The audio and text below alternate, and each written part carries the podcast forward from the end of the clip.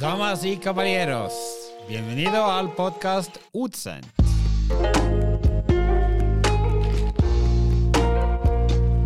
Au danse au ka emisyon podcast la. Du lytter til Utsendt, en podkast fra Misjonssambandet. Ja, alle har mer eller mindre et slags forhold til det. Så langt er det funnet 800 typer av den. Nei, vi snakker ikke om unådde folkegrupper, men om kaffe. Og 800 er altså tallet på hvor mange typer smaker av kaffe det fins i verden. For i dag så skal vi snakke om et spennende kaffeprosjekt i Sør-Amerika. Og med meg fra Peru så har eh, jeg Svein Harald Lindtjørn. Velkommen til podkasten, Svein. Tusen takk, eh, tusen takk for det. Det er jo en ære å få lov å være med på tidenes beste podkast. som jeg har hørt der. Ja, nei, men takk, takk for det, altså. Men, men det er jo tidlig om morgenen eh, for deg i eh, Arequipa, Svein. Har du fått i deg den første kaffe, kaffen? Jeg har Altså, jeg er jo småbarnsfar. Og Ja. jeg har en datter som elsker å stå opp tidlig. Eh, Så i dag klokken ja, hva var klokka? Ti på fem. Så starta min dag med, med et barn som eh, ville ut og leke. Eh, Så jeg har både jeg har spist frokost, jeg har lufta hund, jeg har lekt med mitt lille barn som heter Otelia. Og eh, ja, drukket kaffe og drukket te og drukket det som må være. Nydelig. Klokka er altså sju hos deg da på morgenen, da. Stemmer. Klokka Yes. er ti over syv. Ja, nydelig. Men, men altså, ja, nå, nå sa jo du det, men du er altså i fars permisjon. Mm. Det er utrolig stas at du allikevel tar deg tida til å snakke med, med meg da, her på, her i, på podkasten. Ja, det er jo bare, det er bare hyggelig, vet du. Ja, Det er men- men, det er bare en glede. Ja, jeg bare lurer på en litt sånn ting, for at, uh, nå har jo jeg inntrykk av at uh, Peru er litt sånn mannsdominert samfunn. Uh, og så- jeg lurer litt på, hvordan går det her med å, å, å liksom ta farspermisjon, og er du ute og triller med vogn og får noen reaksjoner på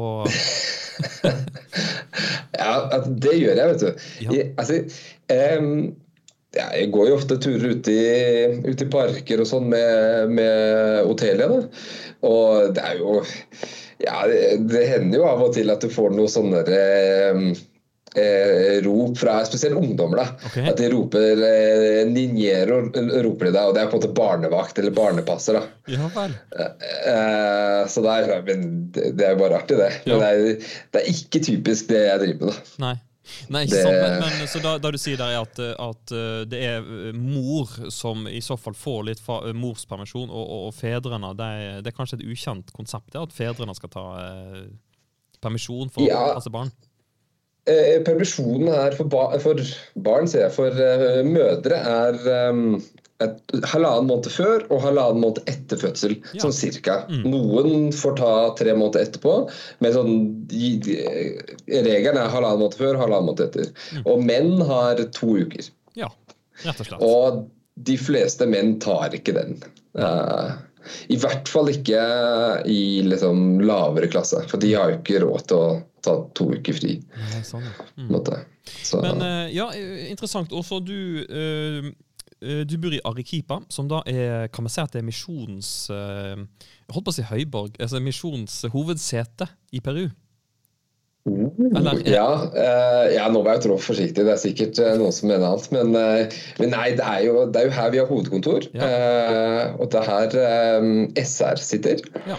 Eh, og Som da er stedlig representant, det for deg som lytter, som da ikke vet Ja, hva en ja, ja. SR er for noe. Ja, nei, det er bra du, bra du hjelper til. Eh, men ja, det, er jo her eh, de siste årene, ja, den siste tiden, man har på en måte hatt eh, størst, størst antall misjonærer. Eh, I starten så var man jo mer eh, ute i, u, ja, ute i på felt, kan du si. altså Ute i mindre landsbyer. Men nå er man mer, mer konsentrert i storbyen. Ja. ja, for Arequipa er jo en, øh, det er jo sånn moderne storby. Jo, altså, vi er vel hva er det sier? jeg? Jeg tror vi er litt i overkant av en million tror jeg, i, i innbyggere. ja, Og så er vi på det store Arequipa, eller Arequipa fylke, som er ganske stort. da, eh, er vel en to millioner. Eh, og vi er Ja, altså i, hvis du spør en som bor i hovedstaden Lima, så er jo vi i provinsen. Eh, men hvis du, spør, eh, hvis du spør folk her, så er vi jo på en storby. da. Men vi er, vi er en storby som, som fortsatt har eh, et litt sånn landsbypreg. Okay. Altså, det, er en, det, er en, det er en moderne by, og du, du får alt her. Det er en superfin by. Men Ja. Her er det liksom litt mindre forhold. eh, folk, kjenner, folk kjenner folk jo overalt, egentlig. Du, du har jo, eh, ikke sånn slik at du har vikariert litt for kona di eh, som stedrepresentant? Jo, det Jo, stemmer. og, og, og da har du jo fått et ganske sånn stort eh, overblikk over arbeidet. Jo, det, det gjør man. Eh, derfor, eh, min kone var jo gravid, eh, og etter en graviditet så kommer det jo kommer det et barn. Eh, og da mm, tok jeg over som, eh, som stedlig representant i den tiden hun var i morspermisjon. Mm. Eh, så da, da ja, Det var egentlig veldig kjekt, da, for da fikk jeg liksom eh, mange møter med kirkeledere. Jeg fikk reist veldig masse. Ja. eh, og, og besøkt kirker og, og sett arbeidet. Og kommet litt på innsiden av av, eh, av kirken, da, som jeg før det kanskje ikke helt hadde fått til. da. Ja. Eh, og ja, Grunnet pandemi eh, så har man jo ikke reist så mye. Eh, og da, men idet jeg ble SR, så var det sånn ok, nå må vi faktisk begynne å reise, fordi nå er det mulig. Og så måtte man jo det, da. Og spansken min var jo ikke dødsbra på det tidspunktet. Den var god, men jeg var jo ikke vant til å sitte i, i møte med kirkeledere og diskutere kirkepolitikk. Det var utrolig mange søvnløse netter. Det må jeg bare si med en gang. Arequipa, hvor er det det er i, eh, i landet? Arequipa ligger he nesten helt Eller ligger i sørdelen av Peru og ligger ca. 500 km fra grensa til Chile, Ja. eh, som ligger i sør. Eh, og så ca. 500 km til grensa i, til Bolivia i øst. Okay, Så vi er ligger liksom helt Ja. Ja, hvor, hvor høyt uh, snakker vi? For det er ganske høyt. Uh... Ja, altså, der vi- via hus, ligger vi på en 2003. 2003. Uh, ja, men de høyeste delene av Arequipa ligger på en rundt 2007. Da. Mm. Men det er sånn, ja, rundt 2,5 er Arequipa på. Ja, det er, litt sånn høydetrening, eh, føler jeg. Altså, blir blir det mye jogging i fjellet? Ja, altså Jeg har jo jeg nylig tatt opp eh, sporten jogging. Ja. så, så da blir det litt, litt løping i, i disse fjella og sånn. da. Og det du merker stor forskjell, altså.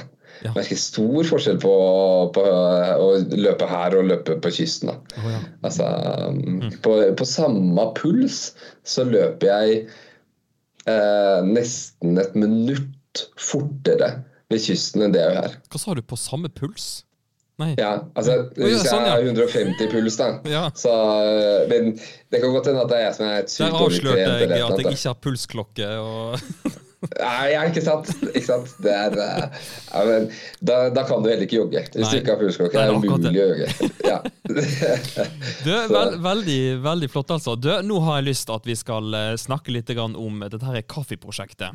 Som, Ja. eh, som dere driver med i, i, eh, i Peru. Og nå har jo vi egentlig tenkt å gjøre noe, jeg vet ikke om det er historisk, podkast-historisk, det da tror jeg neppe, men kanskje i våre sammenhenger. Men vi skal altså teste ut litt kaffe sammen. Men, men, men det, det kommer jo vi litt sånn tilbake til. Men, men eh, jeg, har, jeg er veldig spent på dette kaffeprosjektet. fordi at du, du var vel også, Litt av din jobb var også å finne på en måte hvordan kunne man få gjøre kirka mer bærekraftig.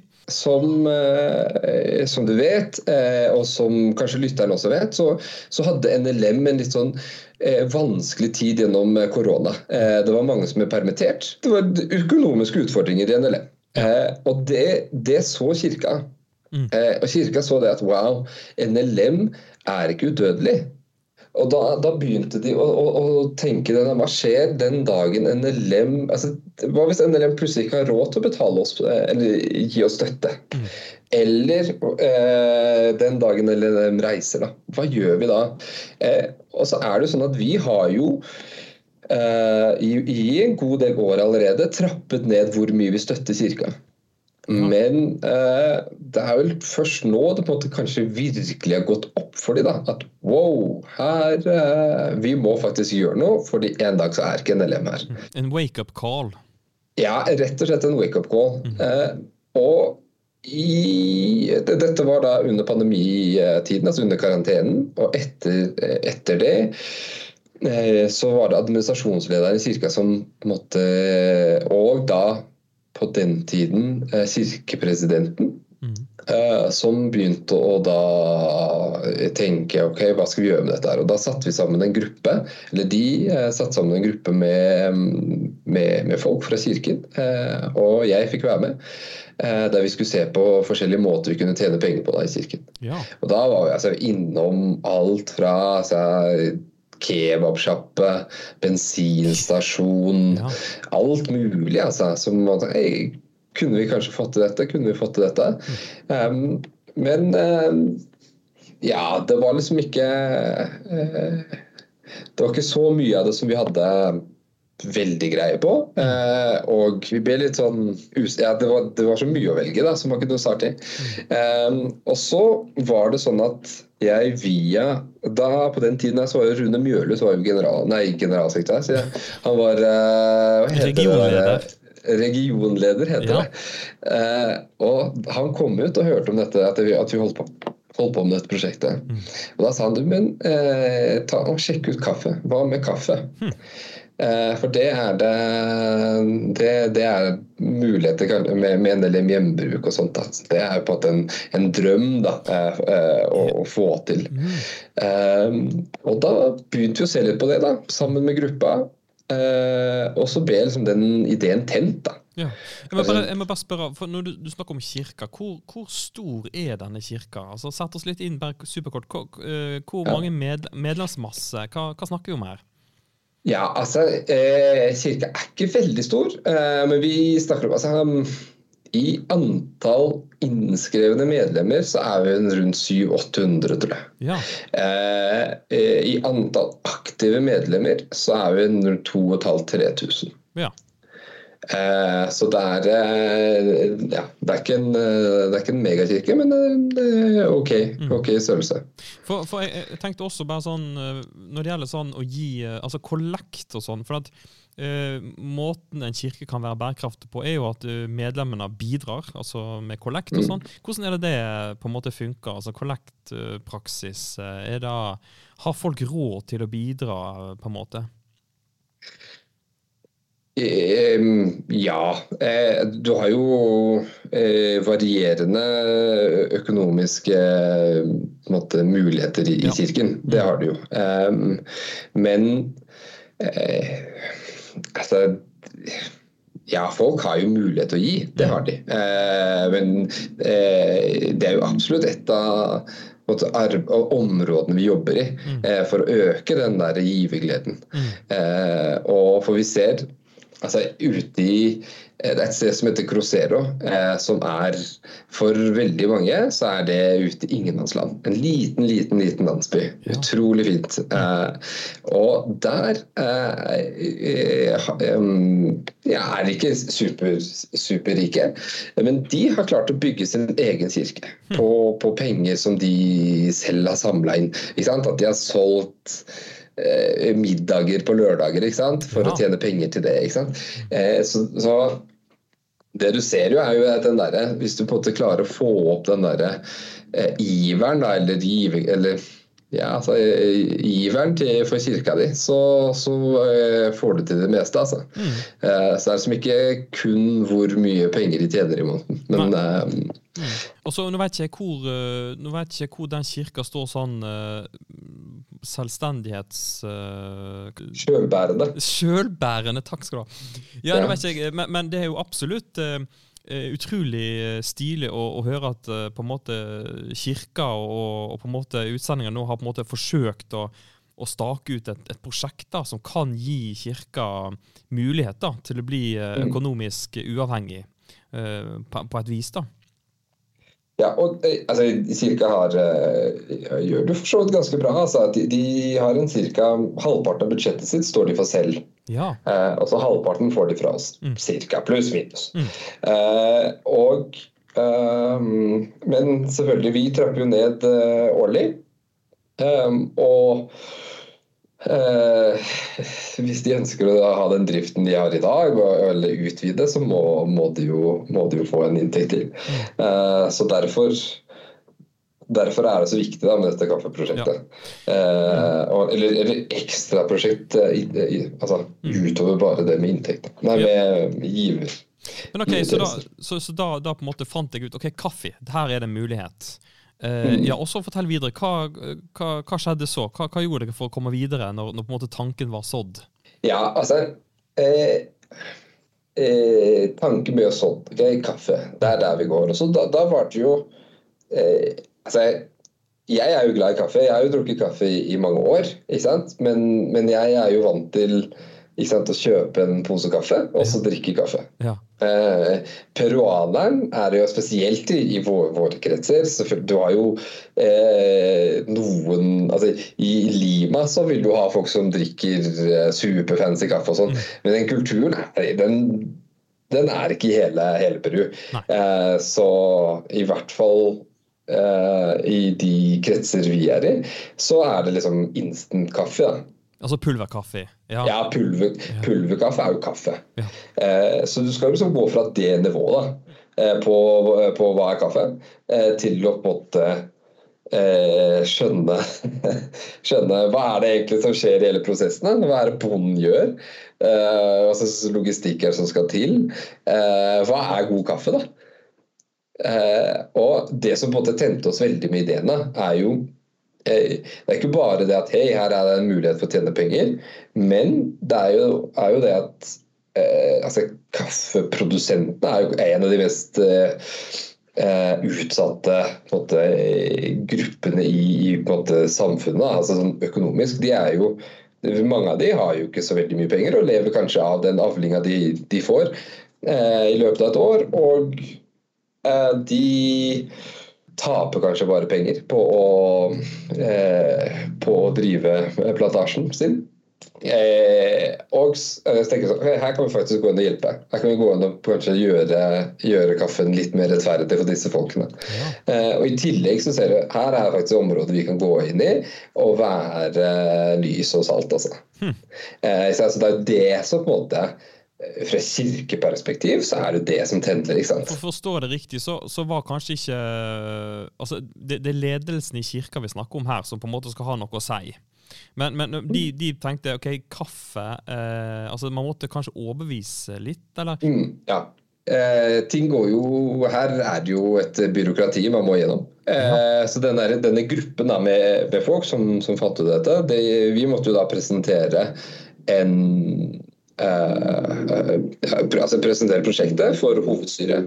Ja. Eh, og så måtte hovedstyret godkjenne det. Hovedstyret i kirka. Ja, hovedstyret i kirka. Ja, hovedstyret her ute i, Ikke i kirken. Misjonssambandet, men, men ikke på kirka. Ja, absolutt ikke. Ja, ja nei, nei, nei.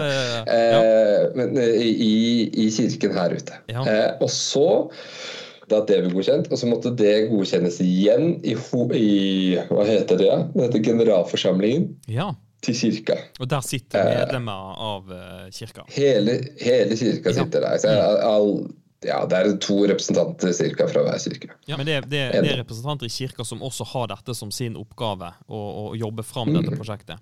For det, det, er Mm. Jo et, det er jo et prosjekt i startgropa, kan vi kanskje si. Altså Det er Ja, helt på den eh, spede start. Men, men, men når du sier kaffeprosjekt, da snakker vi ikke om å utvinne kaffe som man selger i kirka eller Arequipa. Man tenker litt sånn større. Hvordan skal man tjene penger som kirke på kaffeprosjektet? Ja, altså Det å selge kaffe som kirke er i Peru, det er jo noe man ønsker å gjøre etter hvert òg. Eh, men måte, hovedtanken er å eksportere kaffe. Ja. Eh, og Ut av grensa, holdt jeg på å si. Ut av landet. Ja. ja. Ja, ut, ut, av, eh, ut av landet og til Norge eller til der de måtte ønske kaffe fra Peru. da. ja. Eh, og eh, selvfølgelig altså, eh, Enkelt, eh, enkelt sett, da. Enkelt så er det jo på en måte Du har en bonde, han har jo kaffen sin. Mm. Eh, og så er det eh, han De fleste i Peru av bønder de på en måte renser og tørker kaffen sin og på en måte gjør den nesten helt klar. Mm. Um, og så fra det punktet så blir den kjøpt. da blir den enten kjøpt av uh, sånn kooperativer, eh, eller den blir kjøpt av eh, inn, altså på en måte sånn mellommenn eller et eller annet, eh, som da prosesserer kaffen. eh, og eh, jeg prosesserer kaffen, gjør den klar til eksport eller eh, salg nasjonalt, og så gjør de den prosessen. Ja. Eh, Eller, eller, eller så kanskje kommer det noen andre der og gjør eksportprosessen. Eh, men men eh, det er liksom eh, På ett av, et av stedene der så kommer jo vi inn, da. Altså Ja. Nå i, nå i en, en, en startfase så, så kommer jo ikke vi til å gå direkte inn rett hos bonden, fordi det er ganske mye jobb. Eh, og det er ganske mye risk. Eh, men kommer mer inn i etter at den er prosessert, kanskje. da. Ja, som en mell mellomledd, da, på en måte. Ja, Ja. ja. at du i på en fasen der du lærer mer om det, og så tar over mer og mer og mer av, av på en måte prosessene. Du har jo sendt meg to, eh, to pakker kaffe eh, fra Peru, eh, og, og, og på en av de så står det jo navnet på denne bonden, da. Ja, kan vi snakke litt om han kaffebonden? Ja For det dere kan har, vi for dere, har en, dere har en på en måte en hva heter det, kaffefarm som dere, eller en dere samarbeider med. En som på en måte skal være han som dyrker kaffen. Ja, så Bonden heter Mernaldo. Bukken Ja. stemmer det? Eller er det Mm. området? Nei, nei, det er, det er, navnet hans. ja. Ja, ok. Det er navnet ja, ja. Eh, Men, det er eh, eh, navnet. ja, har du vært og besøkt den farmen? Det var vel i fjor, det. I fjor så hadde jeg med en tur For akkurat, akkurat et år siden så var jeg hos Wow. uh, han her uh, senior Bocanegra. Ja. Og det som var der, da, hadde, da tok vi en tur, jeg og uh, administrasjonslederen i kirka. Ja. Vi tok en tur opp til Jaén sammen med våre samarbeidspartnere her. Eh, som hjelper oss, eller som har hjulpet oss med, med eksport med bønder og, og hele pakka. Eh, opp dit og, og besøkte både besøkte han der Bocanegra eh, og hans farm. Og så besøkte vi to-tre andre farmer også. Ok, Men, men det er, lang, er, det langt, var det, er det langt dit, på en måte? Ja, er, altså, Vi holder til i sør. Ja. Vi holder til helt, helt i sør. Og disse farmene her oppe i Jaén, som er helt i nord Så vi var Altså, Peru er jo et veldig langt land. Ja. Eh, så vi var vel Da var vi en to timer fra grensa til Ecuador, som er helt i sør. det Helt er nord. såpass langt, ja. Eh, så det er en 2000 km. 2500 km å kjøre. ja. For, man kan, for man er avhengig av høyde for å dyrke kaffe, eller hvorfor er liksom Mm. Ja.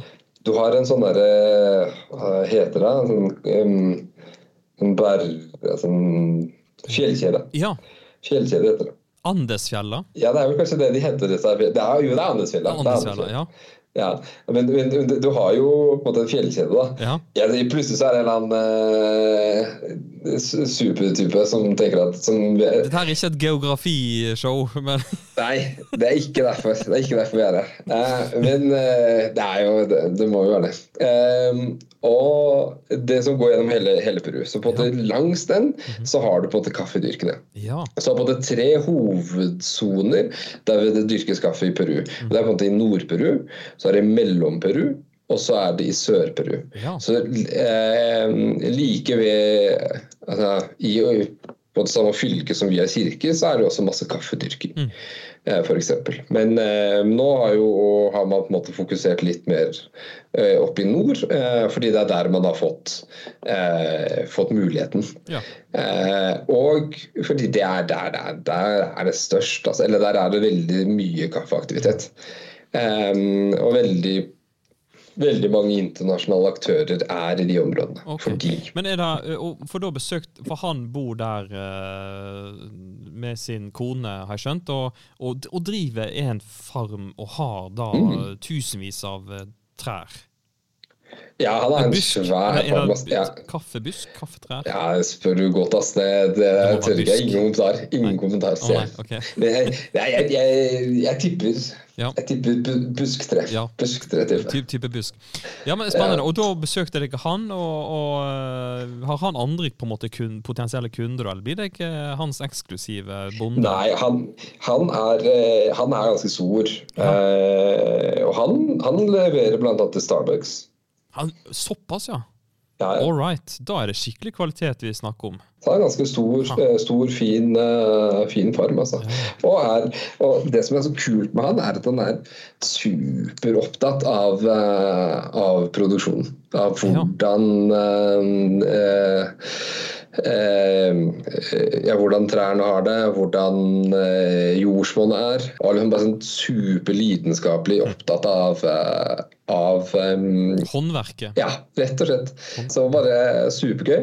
Eh, og, og få lov å, å møte han og, og se, eh, se området. Og liksom få et fjes da, på, på, på, på, kaffen. Men du, jeg, jeg har altså så masse spørsmål, eh, litt sånn kafferelaterte spørsmål, altså. Jeg bare satser Ja. på at du, som da min eh, ekspert for dagen, kan bare hjelpe oh. meg å å- å, eh, Eller kanskje er vi bare to lekfolk som liker å, å, å snakke om kaffe, men Det er mulig, det. er mulig det. Men eh, vi, vi, altså, lekfolk, lekfolk har jo alltid svar, de òg. De, de kan svare på ting, de òg. det er akkurat det jeg også og liker å tenke. Men du, vi har fire typer kaffe, ikke sant? Eller, eller det her med Ja. ar nei, arabica og eh, robusta. Det er de to jeg kan. Arabica og robusta. Og så er det to Ja. andre som jeg aldri husker navnet på. Så, jeg har det vel her i mine notater. Eh, altså fire typer kaffe. Arabica, robusta, excelsa og liberica.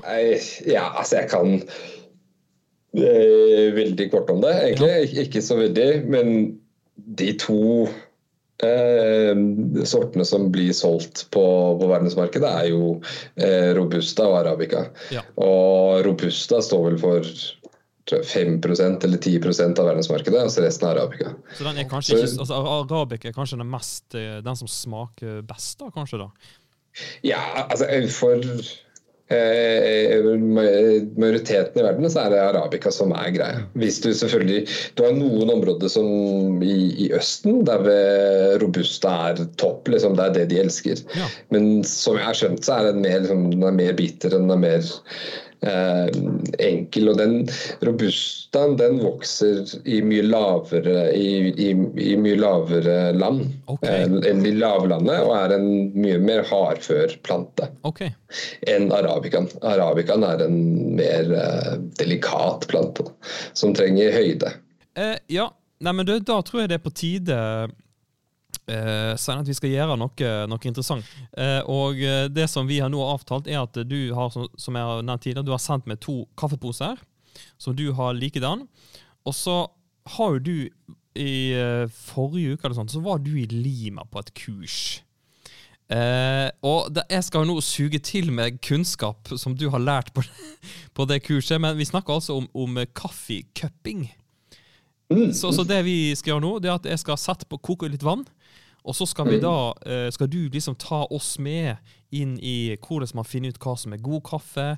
Vi skal lukte litt på disse to typer kaffe som du har sendt, eh, sendt meg. Jo, forrige uke så begynte jeg på et, eh, et Q-grader-kurs, heter det. Grader-kurs.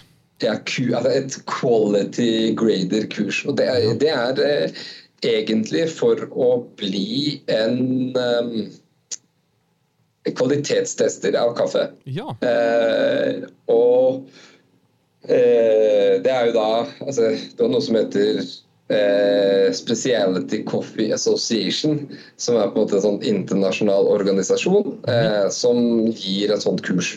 ja. Eh, og har en eksamen der vet du Ja, som er en som er lik over hele verden.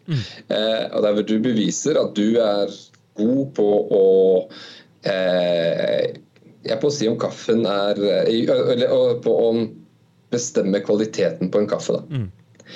Eh, og litt som en sommelier i, i vin, Ja. bare ikke. nesten. Det blir litt i, i, i samme bane, Ja. men ikke. måte. Eh, så det Jeg var på Det er mange, seks moduler. Jeg var på de to første nå, Ja. i Lima. Eh, og liksom fikk, eh, fikk en sånn pangstart da, på å på å liksom skjønne litt av det, hva er god kaffe, hvordan, hvorfor er god kaffe god kaffe, osv. Eh, og der, er, eh, det var veldig interessant, men det er, veldig, det er jo masse informasjon nå. Og, det, ja, og jeg har jo drukket, drukket mye kaffe og lest, lest en del om kaffe, eh, men nå blir det litt mer systematisert. Hvorfor Hvor får det litt mer? Men, men altså spørsmål, med dette her, dette her kurset du har nå tatt, er det noe som For det har jo med kaffeprosjekt å gjøre, men er det noe du skal lære opp eh, i prosjektet, eller hvordan, skal du ha med deg noen lokale eh, som skal ta tilsvarende kurs, eller hva, hva er tankene med, med dette kurset, sånn, sånn sett? Ja, altså eh, Tanken er jo det at man må jo ha denne kunnskapen. for, å, for å kunne kjøpe kaffe, så må du ha den kunnskapen. For du kan ikke bare altså, ja, Du kan ikke bare kjøpe kaffe uten å ha prøvd den og skjønne hva du har prøvd. Eh, så derfor har jeg tatt det. Um, og så er planen at jeg skal lære opp eh, lære opp eh, folk i kirken på dette. Ja. og at kirken også skal ta kurset. Men det er jo, det er jo, det er jo et kostbart kurs. Um, så det er ikke noe man investerer i, inn i kirken før du på en måte har noen som på en måte virkelig skal jobbe i det. Ja. Og så er det ja, så er det jo viktig at eh, at eh, jeg som måte, nordmann som snakker, snakker med Norge, Ja. eh, også skjønner, skjønner hva begge parter sier. Da. Mm. Ja, ja, hva For, for, for tanken er jo at uh, dette på lang sikt skal den lyden jeg hører i bakgrunnen, altså, det er vannet som koker på, på pulten min her. Men, men eh, eh, tanken er jo at eh, kirka etter hvert skal være bærekraftig, eh, og at da uh, misjon trekker seg ut. Men enn så lenge Ja. så blir du på en måte et viktig ledd i dette her. Eh, misjonsrepresentant. Eh, skal stå for litt kompetanseutvikling eh, og sånn. Ja, altså, så det er, jo, det er jo kirkens prosjekt, og det er de som skal drive det. Ja. Og, og, og jeg står inn som et sånn eh, blir et mellomledd inn til Norge. Og litt den derre Hjelpe til med å, å forstå hva, hvem er Norge. Eh, hva er norsk kvalitet? Eh, hva er norsk kaffe? Eh, hva betyr det når Norge sier dette? Hva betyr det? For Kirken har aldri vært i en, businessposisjon inn mot Norge. Inn, så, så, så det er litt mer, mer der. Og på en måte å gå i prosjektet sammen. Da.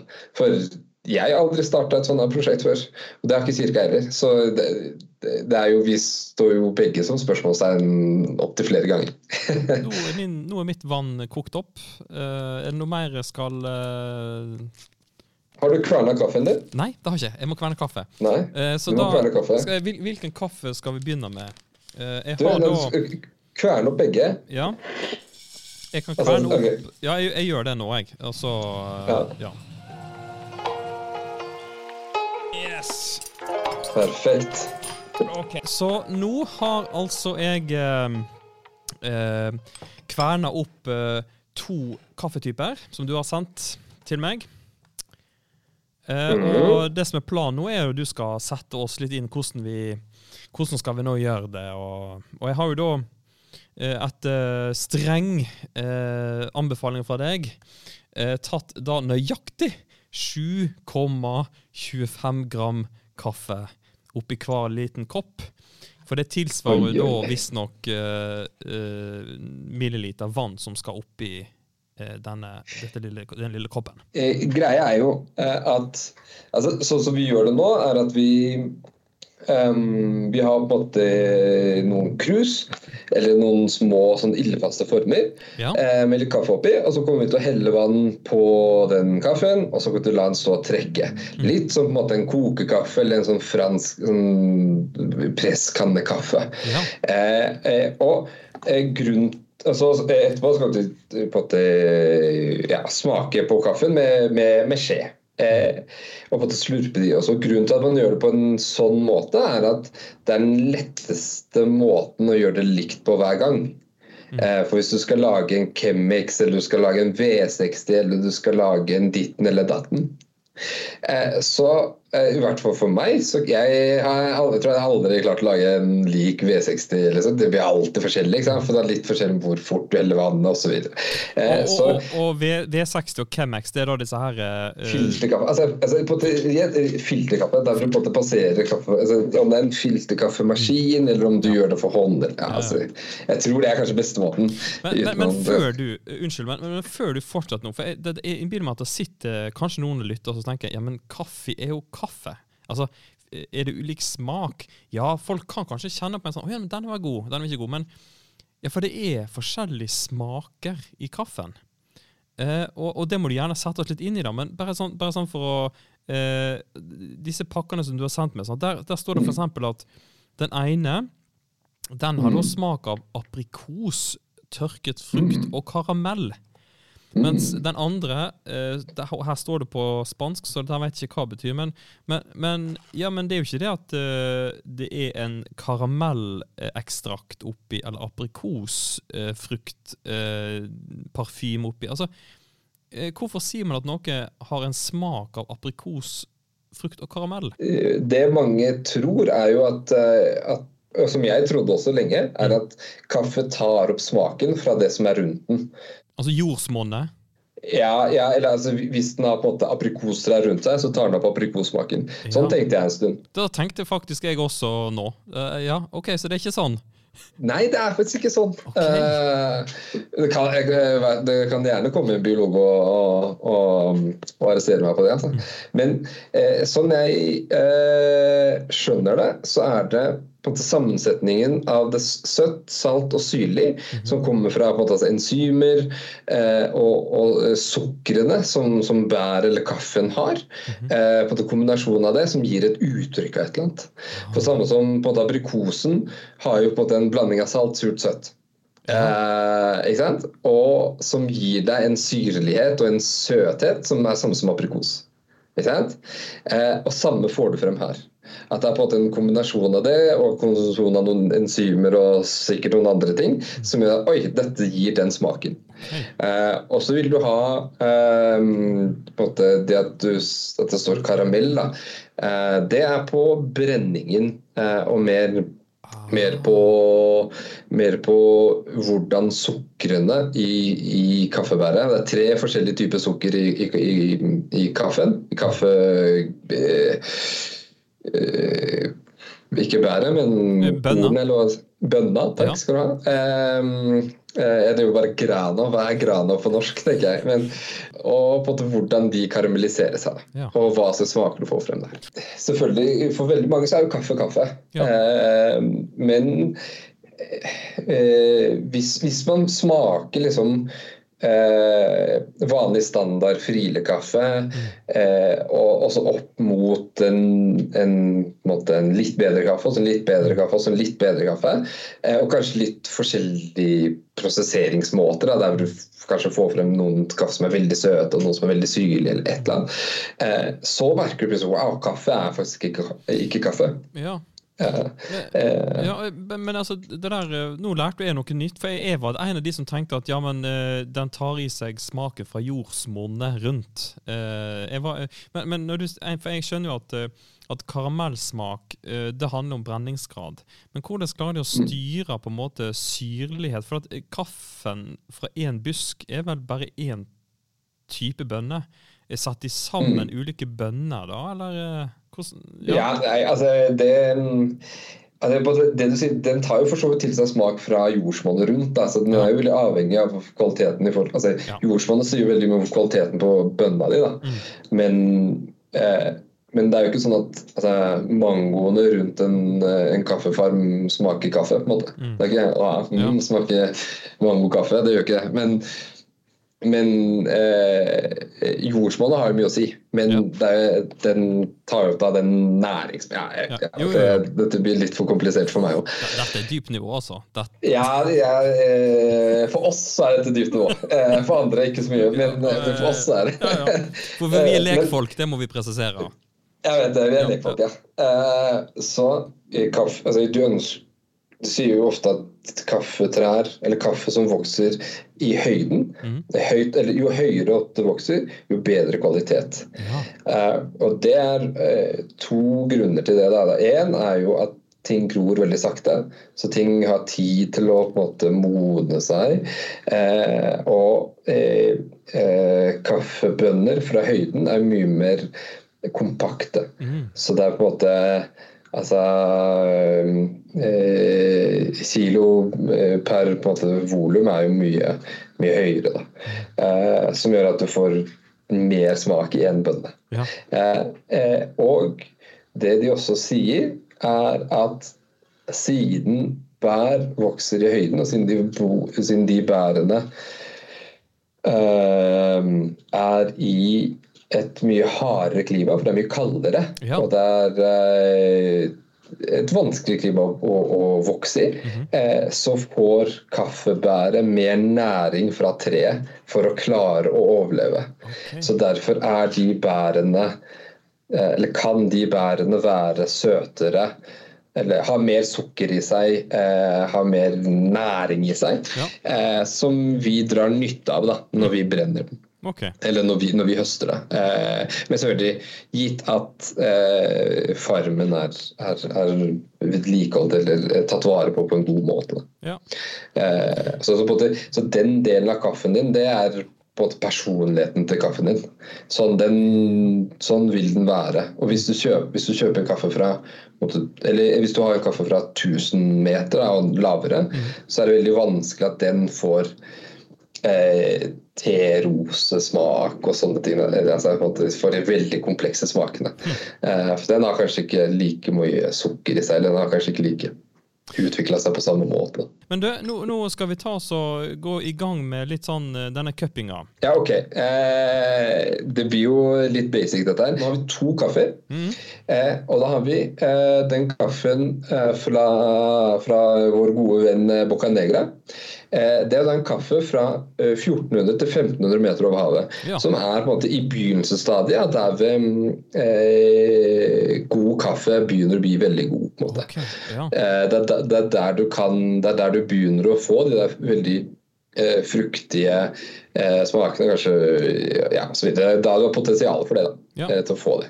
Eh, og så har vi den andre, som er da fra eh, Donja Evangelina, som er da altså fru evangelist.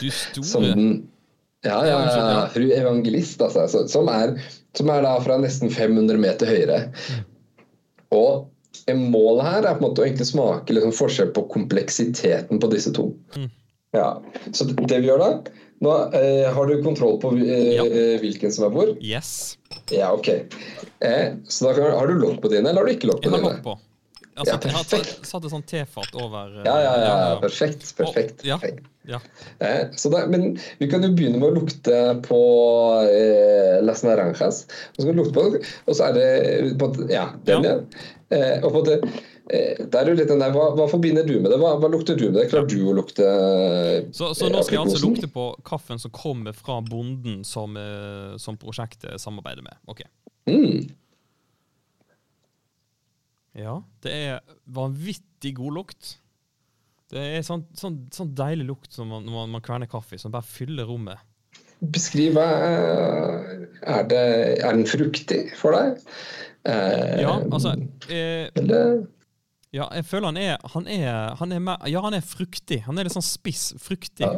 Men den, der, den, den, den, spissfruktigheten, den, den spisse frukten som Ja. du lukter, eh, det kan kanskje minne litt om eh, om eh, eh, Hva heter det eh, Ja, aprikos. Ja, aprikos. Det er liksom den spisse, syrlige, syrlige lukten fra en aprikos, kanskje. Det som jeg tenker er viktig da, eh, og, og lurt, er liksom det der å koble Ok, den her er fruktig. Mm. Da har du på en måte sagt ok, den, men, Og så kan du etter hvert gå videre. ok, men Hvis den er fruktig, er det røde frukter? Er det sitrusfrukter? Eh, og så på en måte bygge deg videre derfra. Ja. Men idet du har på en måte plassert den inn i frukter, da, Mm. så vet du ganske mye om kaffen. Ja. Eh, Skal jeg ta lukta på den andre versjonen nå, for å liksom Lukt sammenligne? på den andre. Ja, det er da den på eh, den fra uh, Donna Evangelina. Uh, OK? Ja. Det verste av alt er at jeg kjenner forskjell. Det gjør jeg faktisk. Ja, ja. Og, og, eh, og jeg tuller ikke når jeg sier at jeg kjenner faktisk at den er litt sånn floral. Altså sånn, Ja. litt sånn blå og, og den er jo Hva var det det sto her? Ja, rosa, ja, rosa DT. Det er et eller annet Det er som Ja å gå gjennom en, eh, gå gjennom en blomsterhage. Ja. Faktisk. Det, det, har, Det- det, ble veldig overraska over at den var så Ja. lett å, å, å, spotte. Ja. Mm. Jeg syns jo jeg syns jo at den nummer to her, den var Jeg syns begge to lukta kjempegodt, men uh, den nummer to syns jeg var kjempe, den var kjempedigg. Ja. Jeg vet ikke om det er fordi Ja. men mm, eh, altså Det som er eh, Når du lukter nummer to, Mm. så er den Jeg merker at den er mye mer kompleks. Ja. Den er mye mer avansert, ikke sant. Eh, og eh, det er jo noe som er i, det kurset jeg går, så er jo det superviktig å skjønne. Da. Ja. Så jeg vet, ok, Denne kaffen er ikke, det er, kan ikke være en dårlig kaffe hvis det har de luktene. Nå tar vi og bare heller på, på vann. Skal vi Ikke, ikke på vann skal vi ikke filtrere? Nei. Nei? OK, vent da. Et øyeblikk. OK. Da, eh, skal, da skal jeg helle på vann på den første kaffen fra vår bonde Hell på begge. i Ta begge, ja. Ok. Skal jeg bare fylle opp? Begge. Fyll på helt til du har fylt helt til toppen. Sånn. Yes. Og så kan du lukte igjen. Ok, Da begynner jeg altså med Da begynner jeg med den eh, første kaffen fra bonden.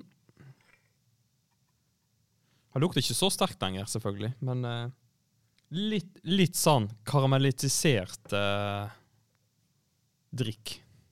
Mm.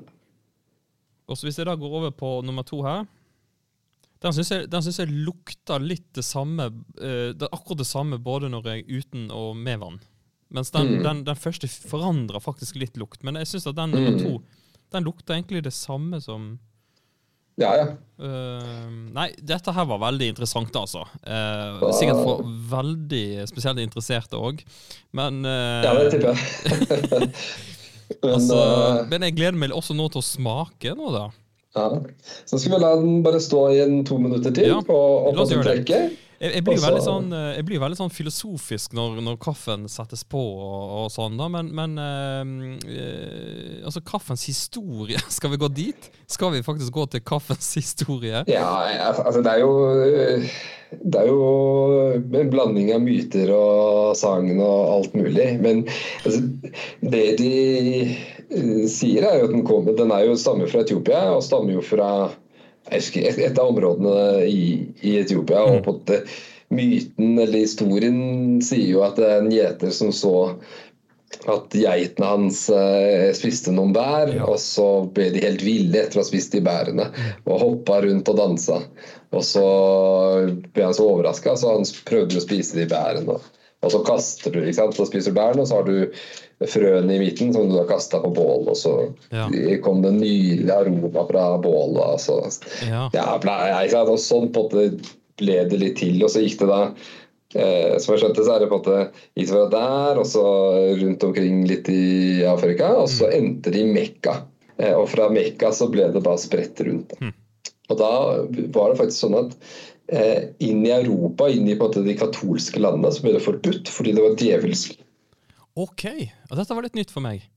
Eh, det, fordi det var jo fra muslimene, og det var enda en sånn drikk. Det var så enkelt de Ja, de tenkte om det. Ja, OK, det var fra muslimene, og da ble det Ja. Ja, og da, da måtte paven Som det står i bøkene jeg har lest her, så står det at paven måtte døpe eh, kaffen. Men eh, pave Clementin var det som måtte døpe kaffen. Men jeg lurer på om det er velsigne. Ja. Eh, Det og- det er litt vanskelig å skille myte og, og, og sannhet her, men, men eh, Ja. dette var interessant. Ja, og så altså derfra så på en måte gjennom krig og ditten og datten, så har det på en måte da blitt spredt eh, Ja, ja. Eller gjennom handel og, og masse sånn, så har det da blitt spredt rundt i, til hele verden. Ja, ja. Via hollandske og franske eh, hollandske og franske kolonier. Eh, og videre misjonærer etter det. ja. Nå skal du bare Kan du bare ta det skummet på toppen? Bare ta skeien din og så bare Da bare lar du den stå, så Ja. lar vi den stå i fem minutter til. Oh, ja. Så den må få kjøle seg ned, og så får vi smakt på den. da. Skal jeg gjøre det samme med den andre? Ja, ja. Gjør det med begge. Ok, da åpner jeg kaffe nummer to. Mm. Ja, neimen veldig, veldig spennende. Du vet, jeg, jeg eh, I forbindelse med min jobb Mm. på informasjonsavdelingen så er jeg jo litt ute og reise. Og jeg var jo da på, eh, på reportasjetur til Indonesia. Ja. Eh, og det er jo også et, eh, et herlig kaffeland.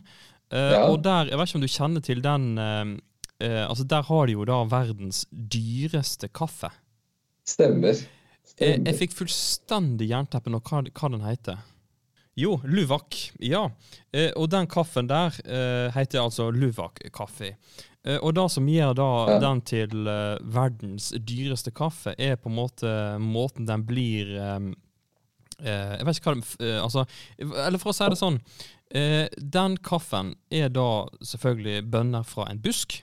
Eh, og så er det da spesielle apekatter, eller katter, altså et slags kattedyr, da, som spiser bønner. Får den da i magen, og det skjer en sånn fermenteringsprosess i magen.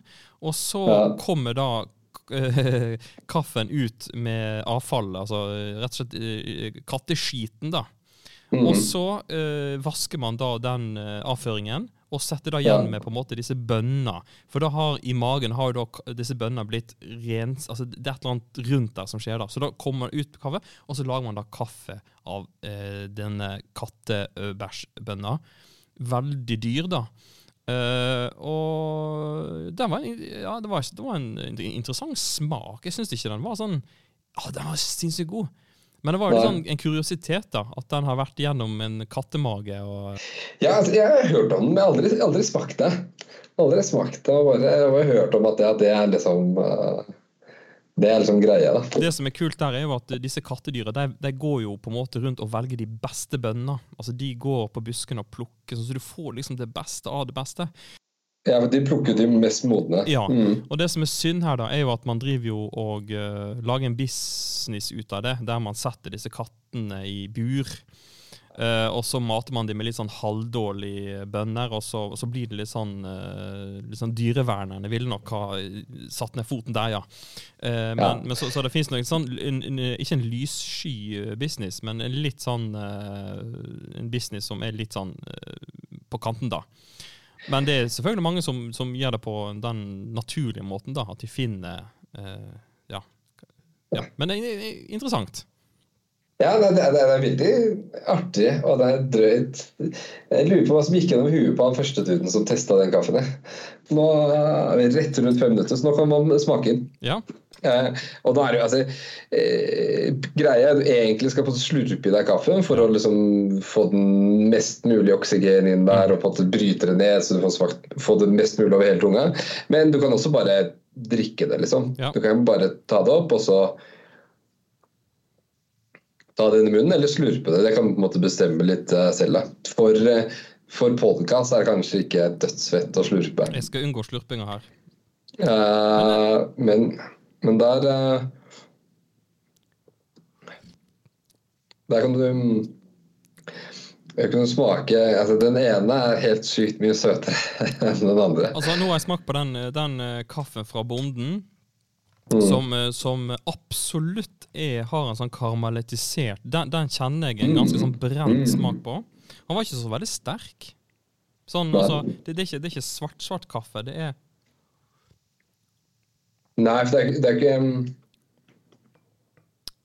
mm, Han var veldig god, altså. Den var, den var ja, litt sånn krydra. Sånn. Hvilken av dem? Den nummer én, den eh, Ja, ja. Bonden sin. ja. Boca Negra. Mm. OK, da eh, jeg, jeg kjenner mye mer til karamellsmaken nå enn når jeg lukter på, på eh, pulveret, liksom. Ja, ja. OK, da går jeg over på kaffe nummer to fra fru Evangelina. Ja. Den Ja, den, den var så mye lettere smak på. Jeg følte den var sånn Mm. parfymert. Altså, det var sånn Mm. Ja, ikke, ikke akkurat godterismak, men det var sånn Så det um, den er mye lysere i Absolutt lysere, eh, lettere, eh, mer sånn Ja, litt sånn plante... Ja, blomst, rett og slett. Altså, det var mm. veldig sånn lett avslutning på den. Mm. Veldig sånn lett og fin. Han var ikke Men- noe bitter, i hvert fall. Nei, nei. Nei, nei. Og det, er jo det som, det er jo det som er så vondt å høre eh, når folk sier at kaffe er kaffe. Ja, ja. Ja. ja, ja.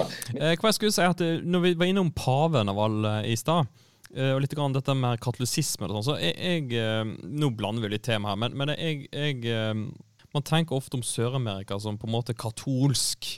Eh, på bildene så ser vi disse her eh, byene med, flotte katedraler. Det er jo liksom fristende å, å, å spørre eh, Oppleves Peru, da, for å ta det, oppleves det som et, et kristent land? Trengs, eh, trengs misjon der? Ja, altså, eh, Godt spørsmål. Eh, og, altså, Kortsvaret ja, det trengs misjon der. Når du først kommer hit og du, du på en måte leser litt om Peru, eller eh, ser det sånn fra, på avstand, så tenker du hei, så, så kristent. Ja. Eh, her eh, så er det jo ikke uvanlig å ha en tro, ikke sant? Mm. Det er jo ikke, det er ikke som Norge, der det er rart å tro. Her er det, på en måte- det er vanlig å ha sin tro. Og det du ser veldig, da, er at den katolisismen som er, er jo en, er jo en veldig blanding av gammel folketro Ja. Og katolisisme og jomfruer. Mm. Eh, og det var en som sa det til meg eh, om måten spanjolene kristna Peru. Ja, det er helt historisk riktig, men det, det vet jeg ikke. Men, men det, det gir en forståelse av hvordan det oppfattes, i hvert fall. I, i gamle dager så har man hatt mange guder, men det er på en måte i den Kort sagt så har du på en måte fjellguden, og så har du moder jord. Så har du fjellguden som er Apo, og så har du eh, eh, moder jord som er Pachamama. Og så har du også mange andre, men ja, for å gjøre det enkelt. Eh, og fjellguden er jo alltid oppe på fjell. Det denne personen fortalte meg da, var jo det at ja, Da de kom, så, var det, så sier jo da spanjoler ja, ok, men dere må bli, bli kristne. Spør jeg, nei, men vi har jo Apo. Vi har dette fjellet. Eh, og sier nei, er men nå heter han Jesus. Ok. Ikke sant? Og da blir på en måte Jesus bildet på han guden. Ja. Eh, for du ser på all, veldig mange fjell eh, eh, og veldig mange steder så er, det et, eh, så er det et kors på toppen av et fjell. Og så tenker man hva er så kristent? Eh, men egentlig, så hvis du spør, spør jeg hva det Nei, det fjellet er, eh, Apo på et eller annet, da. Eh, og det er en gammel gud. Så har jeg et kors der òg. Ja. Da får du på en måte blandingen av både Apo, måte fjellguden, som var der, den guden i det området, og så kristendommen. Mm. Eh, Jeg var med en gruppe mm, studenter oppå en Kristusstatue oppe i Holjaka. ja. Og da mm, Det er en flott, flott Kristusstatue på toppen av et fjell. Der ved, fra gammelt av har de ofra til fjellgudene. Akkurat. Oppover fjellet der så ser du masse ofringer. Overalt er det sånne små bål der man har vært og ofra. Ja. Eh, og da eh, har du gjerne kanskje et lamafoster, og så har du noe kumøkk, og så brenner du det, og så har du en sjaman som eh, tolker asken etterpå. Er det for å gi beskyttelse, eller hva? Ja, ja, så ja be, be om uh, beskyttelse, se fremtiden Alt mulig, da. Ja, det er ikke helt stålkontroll på alt i Bærum der, men eh, det kan være så mye. Eh, men så kommer vi opp på eh, toppen der, da, der Kristusstatuen er, og da er det også et alter. da. Mm. Da er det en familie eh, sammen med en, da, en sjaman som står der og, og begynner eh, et, Jeg har en liten seremoni da, på alteret. Ja. På eh, det katolske kristne alteret som står der. Og oppå det alteret det, er masse, det ligger masse ofringer rundt alt, fra ølflasker til, til blomster til alt mulig. Og så er hele gulvet der helt klissete av alkohol som de har kasta ut. Ja. Du, måte, du må jo ofre alkohol til, til, til, til gudene. Det, det var utrolig fascinerende. for Da starta det med en veldig kristen, veldig katolsk bønn og snakk som de hadde der. Det var en person eller sjamanen. Eh, på det tidspunktet så var han ikke, han hadde ikke gått inn i rollen som sjaman, han var bare ja, en person. Da. Eh, og sto der og så på, på Kristusstatuen og ba. Og ba for en av de. da. Det var et eller annet som feilte den personen. Og så gikk det fra det, og så tar han på seg på en måte sjamanlua si. Ja. Så går de, går de bak Kristusstatuen, ofrer kokablader til uh, et eller annet. Går tilbake, og da har han tatt på seg sjamanlua si. Står oppe på alteret og så begynner å hive ut uh, vin. Og i bønnene hans så, er han på en måte, så ber han til Pachamama, han ber til Paulus, han ber til Jesus, han ber til jomfru Maria, og så noen andre, andre guder. og bare, altså Det er bare ja, en sånn stor blanding. da, og Det var også første gang jeg har sett det. At du får det så nært. at Det var veldig Og midt her så står altså eh, kirka, eh, den lutherske kirka eh, som, som, som vi samarbeider med. og er det, er det, Jeg antar at det er jo en utfordring. altså er, Kan man se slik blant medlemmer også en litt sånn her eh, At det er litt vanskelig å gi slipp på folketroa, eller eh, hvordan er det da fungerer i, i, i vår kirke, da, for å, for å si det sånn? Eh, altså, eh, vår kirke er jo eh, multikulturell. da. Ja. Eh, vi, vi har jo vi har på en måte tre kulturer inn i vår kirke. Vi har på en måte aymara-kultur, Eh, vi har quechua-kultur, som er på en måte gamle på en måte, eh, folkegrupper, kan man si, eller språkgrupper. Eh, og så har du mestis-gruppene, som på en måte er blandinger med, med, med spanjoler og på en måte den moderne kulturen. Ja. Kanskje bykulturen mot på en måte bygdekulturen. Ja. Hvis man kan si det sånn, det er jeg litt usikker på. Men, og, og inn i storbyene, eller altså inn i, inn i arkivet der vi bor, så merker du ikke så mye til sånt. Nei. Eh, for Hva, hva er sånt? Du, Altså sånn folketro-ritual? Ja, ja. ja altså, det, eller, det er jo her, og du, du Det fins, og du, du merker, merker det jo, men i kirkene våre så er ikke det så big deal. For Her er, vi er, det er veldig modernisert. Da. Eh, men så eh, har vi utfordringer i, i kirken, i, eh, i på utkanten, i de små landsbyene, der vi, der vi også er. Eh, for i et sted som heter Pomaoka, f.eks. Eh, som er der vi jeg vil, tror jeg Den første kirken NLM eh, hadde, er ute, ute der.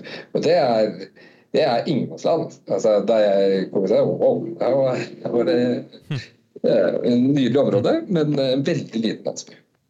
Eh, og der er det jo der, blant annet, og i landsby rundt, så er det jo at eh, høvdingtittelen eh, Ja. eller sjefs, landsbysjefen, går på rundgang. Eh, og det er på en måte skrevet opp. Du vet at okay. om ti år så er det jeg som er landsbysjef. Og er du sjefen, så er det du som har ansvar for da de ofringene til, til moder jord eh, og sånn, for avlingene. Eh, og det er det mange som har utfordringer i våre kirker. Eh, fordi de, er, de har jo da blitt kristne og tror ikke på eh, eh, disse ofringene. Men De må forvalte tradisjonen, på en måte? ja, og altså, hvis du ikke gjør det, så er du Du, altså, du kan ikke ikke ofre, fordi du er jo en del av det samfunnet. Ja, Kan du nekte å, å bli en sånn landsbyhøvding, eller liksom sånn, nei, det, det er din Det er din. ja, Det, det, du er en del av dette samfunnet, ellers er du ikke en del av dette samfunnet. Eh, og da er, er det noen som da måte arrangerer det, men står ikke for ofringene. Altså, jeg kan arrangere det, men jeg kan ikke ofre. Og så får de inn noen andre for å gjøre ofringene. Eh, og så er det andre som kanskje har større utfordringer med det. Jeg må klare å finne en balanse mellom Ja. å, å, å faktisk klare å leve der. For du klarer ikke å leve uten samfunnet ditt. Der, ja, så der, der møter man en, en, en mye større motgang da, eh, mot det tradisjonelle eh, Peru eh, og eh, da kristne tro. Mm. Eh, og eh, landsbyen forstår jo ikke De skjønner jo ikke det. Fordi For dem så er det viktigere at du ofrer fordi de ønsker avling. Ja, det er, jo, det er jo lett å forstå det, da. Og, og, og, og det er også lett å forstå den skvisen da disse her eh, eh, landsbyhøvdingene som da er kristne, da, og som på en måte har tatt eh, kanskje litt avstand fra eh, den gamle trua, da. Hvordan Mm. de blir liksom dratt mellom to, to, to ting. Så nei, det ser jeg absolutt eh, kan være utfordrende. Eh, og, og hvordan som kirke er det man eh, underviser inn mot dette? da? Altså, det, det, det er kanskje lett for oss å komme og si at nei, nå må du bryte med det. Men det er ikke så lett å miste liksom fotfestet i det lokalsamfunnet og ja. Nei, det er, jo kjempevanskelig. Nå er det jo kirkene som står, står i dette, da, men vi som europeere vi er jo ikke vant til sånt. Nei. Eh, altså vi, eller vi som skandinavere, vi lever jo i en, en, en, en virkelighet der alt av åndeverden ikke fins. Sant. Eh, mens her så lever man i en annen virkelighet. ikke sant? Her fins den åndeverden. Ja. Eh, mye tettere på folk. Mm. Spesielt ute, i, ute på landsbygda. Men eh, OK. Eh, nå skulle vi ha en liten eh, test på denne kaffen når den var blitt kald. Ja, ta og smak på den nå, så kan du si Smaker det noen forskjeller? Vi går faktisk mot en avrunding i denne episoden, og nå skal jeg da ta en, en siste smak på disse to kaffesortene. Nå er det blitt litt kaldere. Nå smakte jeg altså på kaffe nummer én fra bonden. Eh, jeg kjenner fortsatt en veldig sånn karamellsmak. Mm. Uh, mer enn noe annet, faktisk. Ja. Uh, og den kalde kaffen fra den uh, kaffe nummer to Ja, altså det Den er fortsatt jeg, jeg føler ikke det er så veldig mye forskjell på varm og kald kaffe, men kanskje, kanskje Jeg føler av og til at varme også er en smak, og at nå har du tatt vekk den varmen at du kanskje Ja, at eh, Jeg vet ikke. Det, det er jo et eller annet Du, eh, ja, eh, Hva altså- du Din vurdering, da? Eh, nei, altså um, Enkelt sagt, da, det at eh, kaffen din smaker ganske likt som det den gjorde da den var varm, Ja. betyr at det er en veldig god kaffe. OK. Han taper seg ikke? Nei, det er kvalitetstegn. Eh, for der, hvis du hadde gjort dette med en frile Ja. Eh, ok, da skal ikke name-droppe, eh, men hvis du hadde gjort det med på den standard kaffen, ikke en Ja. spesialkaffe, da, mm. så hadde den kanskje hatt helt andre så, ah, ah, Nei, den var ikke noe god, den var kanskje veldig bitter, eller ah, var, ja, ja. Så Jo kaldere kaffen blir, jo mindre tilgivende er den. Så er det noen dårlige attributter i kaffen din, så kommer de frem når den er kald. Så derfor når du cupper, så cupper du også når den gjerne når den, Eller det er lurt å, å smake når den er kald, for å se er det noe annet som kommer frem her. Så når vi, når vi cupper, så køpper vi alltid altså, Hvis du skal altså, få defekter og sånn, så køpper du ofte det mot slutten. Du, Svein, eh, nå har vi snakka eh, lenge og, og godt om både kaffeprosjekt, eh, kaffe og litt kirka i Peru. Ja, ja, Eh, ja, jeg har lært utrolig masse, og håper jo også lytterne har satt litt pris på litt sånn nerde, en nerdeepisode.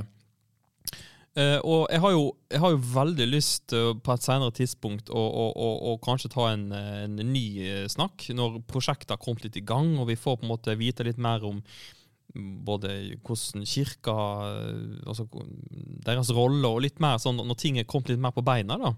Det må vi få til. Ja. Det er, eh, plutselig så, så får vi en podkast i Norge òg, vet du, der vi får tatt en, tatt en skikkelig cuping. Absolutt. Det- Vi må, det, det er helt, helt klart. Og, og vi ser jo det at eh, det er jo flere misjonsfelt eh, til, altså felt fra Misjonsforbandet som også eh, vurderer litt sånn kaffe, kaffeprosjekt. Altså. Så det er veldig gøy å, eh, å, å i hvert fall følge med, da. Og se hva på en måte litt sånn kreativitet og litt sånn gründervirksomhet, og at det at en får med kirka eh, At det er et eierskap som kommer derfra også. Jeg syns det er kjempe, kjempekjekt og, og ikke minst inspirerende å, å høre. Og, eh, og det å, å tenke bærekraftig inn mot kirka er jo eh, føles jo veldig nyttig. Veldig meningsfullt. Ja, altså det, er, det er jo helt klart en litt ny retning eh, som man går i, men det er, det er superspennende. Eh, og spesielt hvis man kan få det til. Hvis vi lykkes i dette, så er det enorme, et enormt potensial. da. Både i å nå nye mennesker og eh, å kunne gi eh, god kaffe til, eh, til Misjonssambandet. Yes. Og eh, ja. Ja. Nei, men du, Da vil jeg bare si eh, takk for at du brukte tida di til å lære oss eh, litt om kaffe og alt dette her. Eh, ja, Takk for at du stilte opp. Tusen takk, eh, tusen takk. Og eh, bare hyggelig og veldig, veldig kjekt å være med. Og i redaksjon sitter også Elise Haugland og Narve Jonas Nystøyd. Eh, Og mitt navn er Leif Thomas Gjerde.